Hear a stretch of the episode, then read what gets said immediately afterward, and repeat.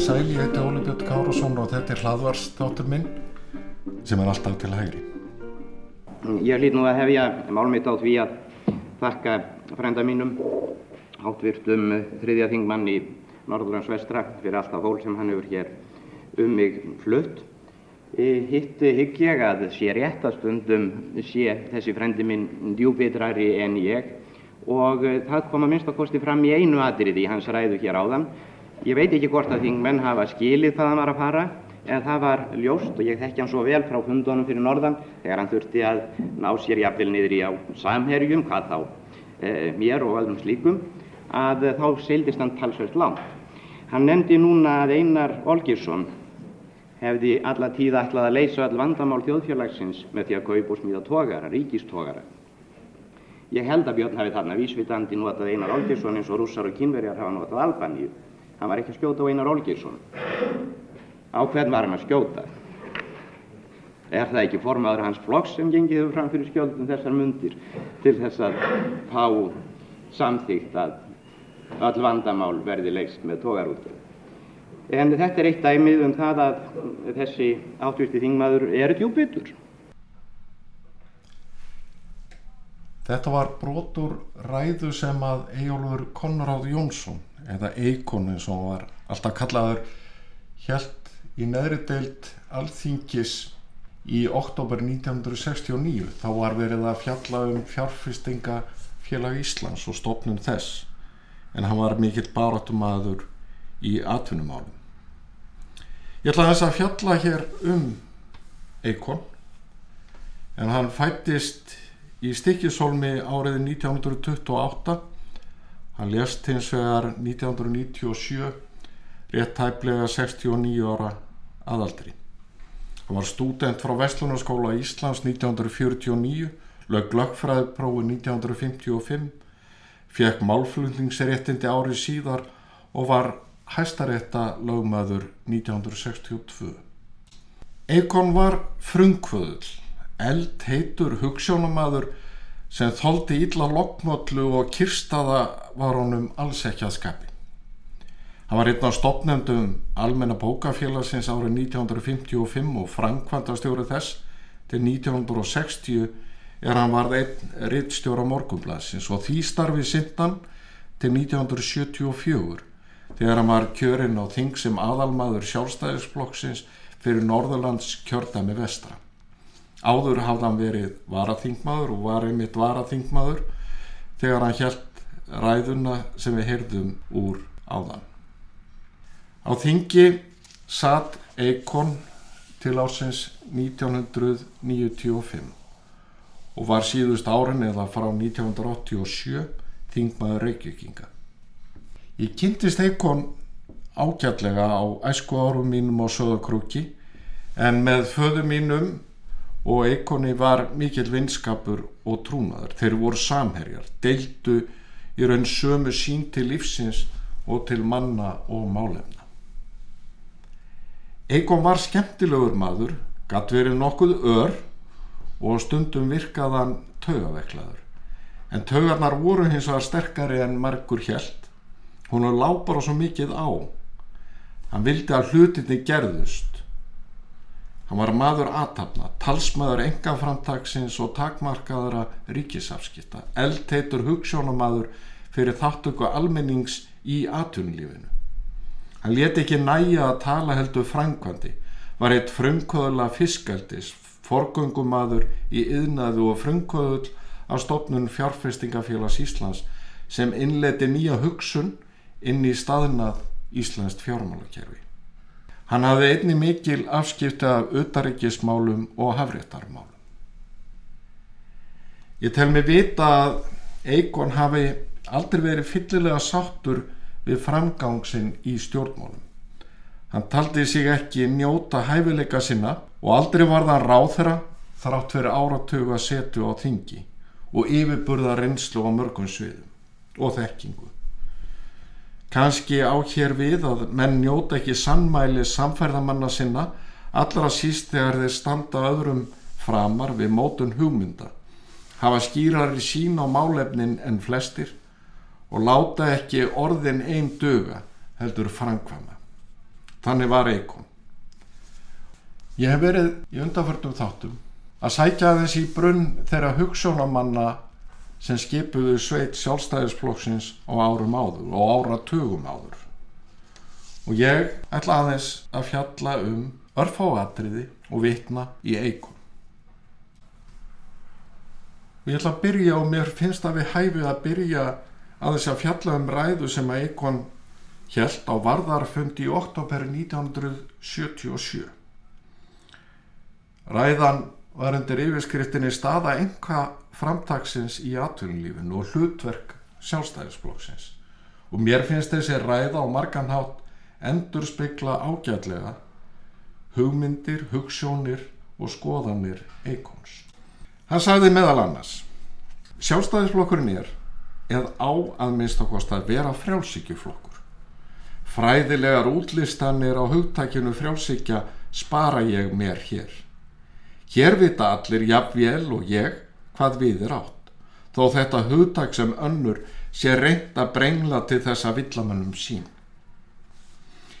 Yfirlýsta stefnu sjálfstæðisflokksins frá fyrstu tíð um sjálfstæði og aðtapnaferðelsi einstaklingsins þekkjamenn. Oft hafa sjálfstæðismenn verið bæði sárir og reyðir yfir því hver sorglega illa hefur gengið að framfylgja stefnu flokksins og í dag berum við ugg í brjósti og finnst hægt ganga að byggja upp frjálst, heilbritt og upplugt aðtapnarlíf sem tröst þjóðlíf geti byggt á. Við stöndum aktofa gagvart ofurveldi kervisins og markáttuðum gagslausum og skadlegum afskiptum pólitískra valdastrituafla. Ekki megum við þó láta svart sína ná yfirhundinni því að hætt er við að veikburða yrðum við þá baráttan og árangurinn minni en engin. Og þegar allt kemur til alls hefur þó ímislegt á unnist. Ég held að holdt sé að renna huganum örlítið aftur í tíman og hugliða hvernig sjálfstæðisfloknum hafi tekist að gegna hlutverki sínu til dæmis síðustu þrjá áratuginu, það er aftur til árana eftir stríð. En það skeið íslenskara stjórnmála ætti ég að þekkja nokkuð náið. Fyrst kemur þá í hugan þrúandi andrunslótt sem hér ríkti í fjárhags og atvinnumálum að auðareggis og örgismálum og glemdum. Á tímum fjárhagsaráðs var svo komið að menn voru sektaðir fyrir það að ná út einum sementspoka án þess að hafa til þess leifi kommissara þess tíma. Öll viðskiptu og allar framkvæmdir voru háðar og beinum ofinberum afskiptum. Og einhvern held áfram og sagði að svindl, mútur og svartur markaðir hafi verið fylgifiskar ofstjórnarinnar. Og Ejólu hérta áfram og sagði starfsreg manna var svo lamað að engir fengust til þess að taka við nýjum glæsilegum fiskiskipum jafnvel þóttir þyrtu litla eða enga fjármunni fram að leggja. Sjálfstæðistefnan var á hörðu undanhaldi og ekkert viðnám virtist hægt að veita en þá þótt sjálfstæðisflokkurinn ætti aðild að stjórnlandsins. Úrræðin voru helst, bæjar og ríkisregstur en sís, þar að segja samband íslenskara samvinnufélaga, þandist út í skjóli leifana skömmtunarinnar og haftana. Einstaklingar dunduðu þó við smáregstur til lands og sjávar. En sá maður hefði ekki verið talið með öllum jalla sem þá hefði haldið því fram að eignar aðild alminnings að atunurekstri smáum og stórum væri framtíðin. Sósialismi og sísregstur var það eina sem tíðarandin bauð upp á. Smá saman tókst þó að þoka málun til betri vegar. Eðli mál samkvæm hlaut sjálfstæðisblokkurinn að hafa þar alla fórustu og hafði líka. Egnarstefnunu ógs hægt og bítandi fiskur um hrygg, munaða þær mestu um fórustu sjálfstæðisflokksins í byggingamálum höfuborgarinnar. Enga eign íbúðarhúsnæðis varð undirstaða þeirrar eignastefnu sem þrátt fyrir allt hefur verið að vinna á í andstöðu við allsherjar forsjá ríkisins. Smáfyrirtækin þraukuðu mörg af og ógsíðan fiskur um hrygg. Lina var á viðskiptafjötrónum, skömmtun afnuminn og ymsar tilrunni til að koma á frjálsum viðskiptaháttum voru gerðar. Sumar mistókust að verulegu leiti en hægt og bítandi náðist þó árangur. Fleiri og fleiri urðu fjáraslega sjálfstæðir og fólki fór að finna til máttarsins og öryggis. Stæsta orustan stóð í upphafi síðasta áratugar og á því leikur engin vafi að viðreysnin svo nefnda munum alla framtíð talin einhver merkasti áfangi í efnahags og atvinnusögu þessara þjóðar en það let árangurinn ekki á sér standa. Síðar í ræðunni meldi Eikon því upp hvert hlutverk sjálfstæðisflokksins í atvinnumálum ætti að vera. Það bent á að stefnan hafi verið mörguð á síðasta landsundi með skýrari og afdráttalösari hætti en oftast áður. Og Eikon sagði Inntakið er meira frjálsaræði, minni ríkisafskipti, öflugra engaframtak, minni ríkis umsif. En þótt það sé rétt að orð séu til alls fyrst, þá er hitt líka rétt að þau hafa litla þýðingu ef á framkvæmdánum stendur. Það hlýtur þess vegna að vera hlutverk okkar sem þeir trúnaðarstarfa höfum valist fyrir sjálfstæðisblokkinu og þá fólk sem hann fyllir að leitast við að mjaka stefnumálum áleiðis. Okkur er kannski ekki hægt að draga til ábyrðar þó okkur mistakist, en það er hægt að gera okkur ábyrg fyrir því að hafa ekki gert það sem í okkar valdi stendur til að ná árangri. Og árið 1977 hafði Eikon verulega miklar áhyggjur á útænslu ríkisvaldsins. Hann saði Ríkisbáknið hefur þannig svo út að ekki verður við unnað. En allt hefur þetta verið svo mikið rætt á undaförnu að ekki muni tefja tíman á að endur taka það sem sagt hefur verið og allir vita. En hlutverk sjálfstæðisflokksins er meðal annars að stinga hér við fótum og leitast við að vinda ofan af óhella snældunni. Hlutverk flokksins í viðskipt og atunumálum er fyrst og fremst að skapa sveigurum frjálsræðis, sveigurum fyrir aðtapnir og framtagsmönnum frelsi. Hlutverk flokku og stjórnmálamanna er ekki að fyrirskipa hvað eina eða skipulegja allt. Það er hlutverk þeirra sem beina aðild eiga að atunu rekstri. Þeim ber að sjá um samkjæfnina og arðsemina og síðar vek Eikon að sínu hugðarefni, baróttumáli sem er almenn þáttaka í atvinnu lífinu. Hann sagði afrakstur atvinnu fyrirtækja þarf ekki og á ekki að falla fáum í skuld. Sjálfstæðismenn vilja dreifa þjóðarauðnum. Auðvita get ekki allir átt jamt, en stefnan er svo að sá sem minnst á sé samt fjáraslega sjálfstæður. Það ber að stefna frá fátakti bjargálna eins og Jón Þorlóksson orðaði það. Í þeim tilgangi ber að ebla almenningsþáttöku í atunrekstri með stopnun og starrækslu þróttmikilla opina hlutafélaga í munu ríkara mæli en týðkast hefur. Og þar eiga hagkvæmni sjónarmið að fá að ríkja. Einnig að hagnaður myndist og arður sé greittur Um hagnaðin hefur rauna margt verið sagt, mísjaflega fagurt og mísjaflega skinsalegt og stundum hefur gengið erfilega á útskýra hlutverk hans. Eikon sagðist vona að fyrr en síðar sjáu menn og skilji einnig að þeir sem stjórna stórum almanna samtökum, fyrirtækjum í eigu fjöldans, sjáu að heillardrýkst sé bráð og lengt að það sé allt fyrir opnum tjöldum og völdin séu réttum stöðum, það er að segja hjá eigundum, hlutónum sjálfum. Ræðu sinni lauk Eikon á þessum orðum. Þráttur allt hefur ímislegt áunnist og þokast til betri vegar. Annmarkarnir eru fyrst og fremst fólknir í ofstjórn og útenslu opubvers valds og valda stofnana. Engu að síður hefur enga framtak haldið velli og því er að þakka það sem áunnist hefur. En enginn getur sagt að það sé lítið. Framundan er ný baróta sem beinist að því að berja niður verðbolgu og ofinbera útenslu stefnu en ebla þessi stað egna stefnuna. Kjöraorðið hefur verið egn handa öllum og er það enn.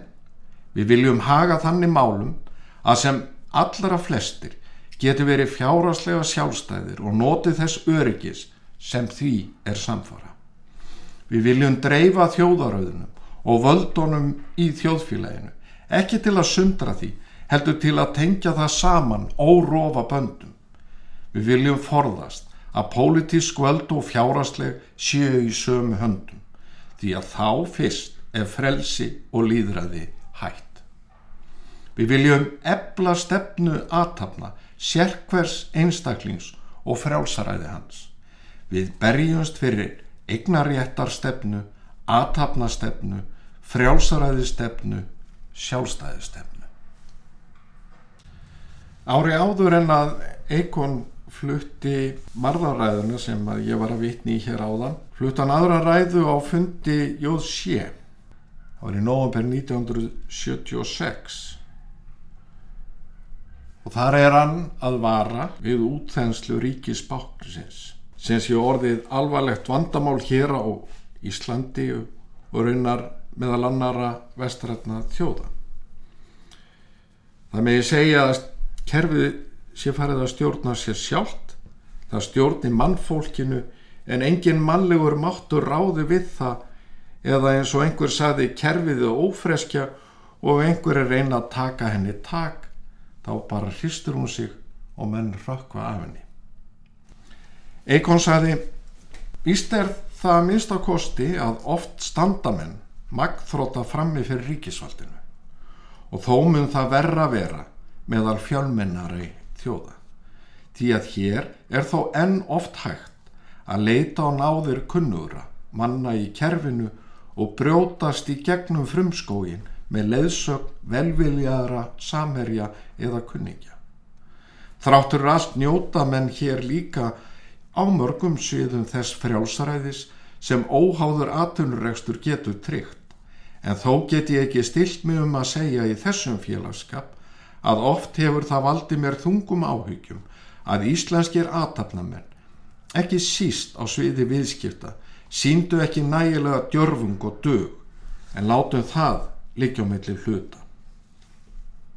Eikon hafði raunar ekki aðeins áhyggjur af útþenslu ríkisvaldsins heldur líka áhrifum það sem hann kallaði jáfnvel auðring og eh, var þá að vitna til ótrúlega stöðu sem að samband íslenskra samfunnufélaga, eða SÍS, hafði á þeim árum.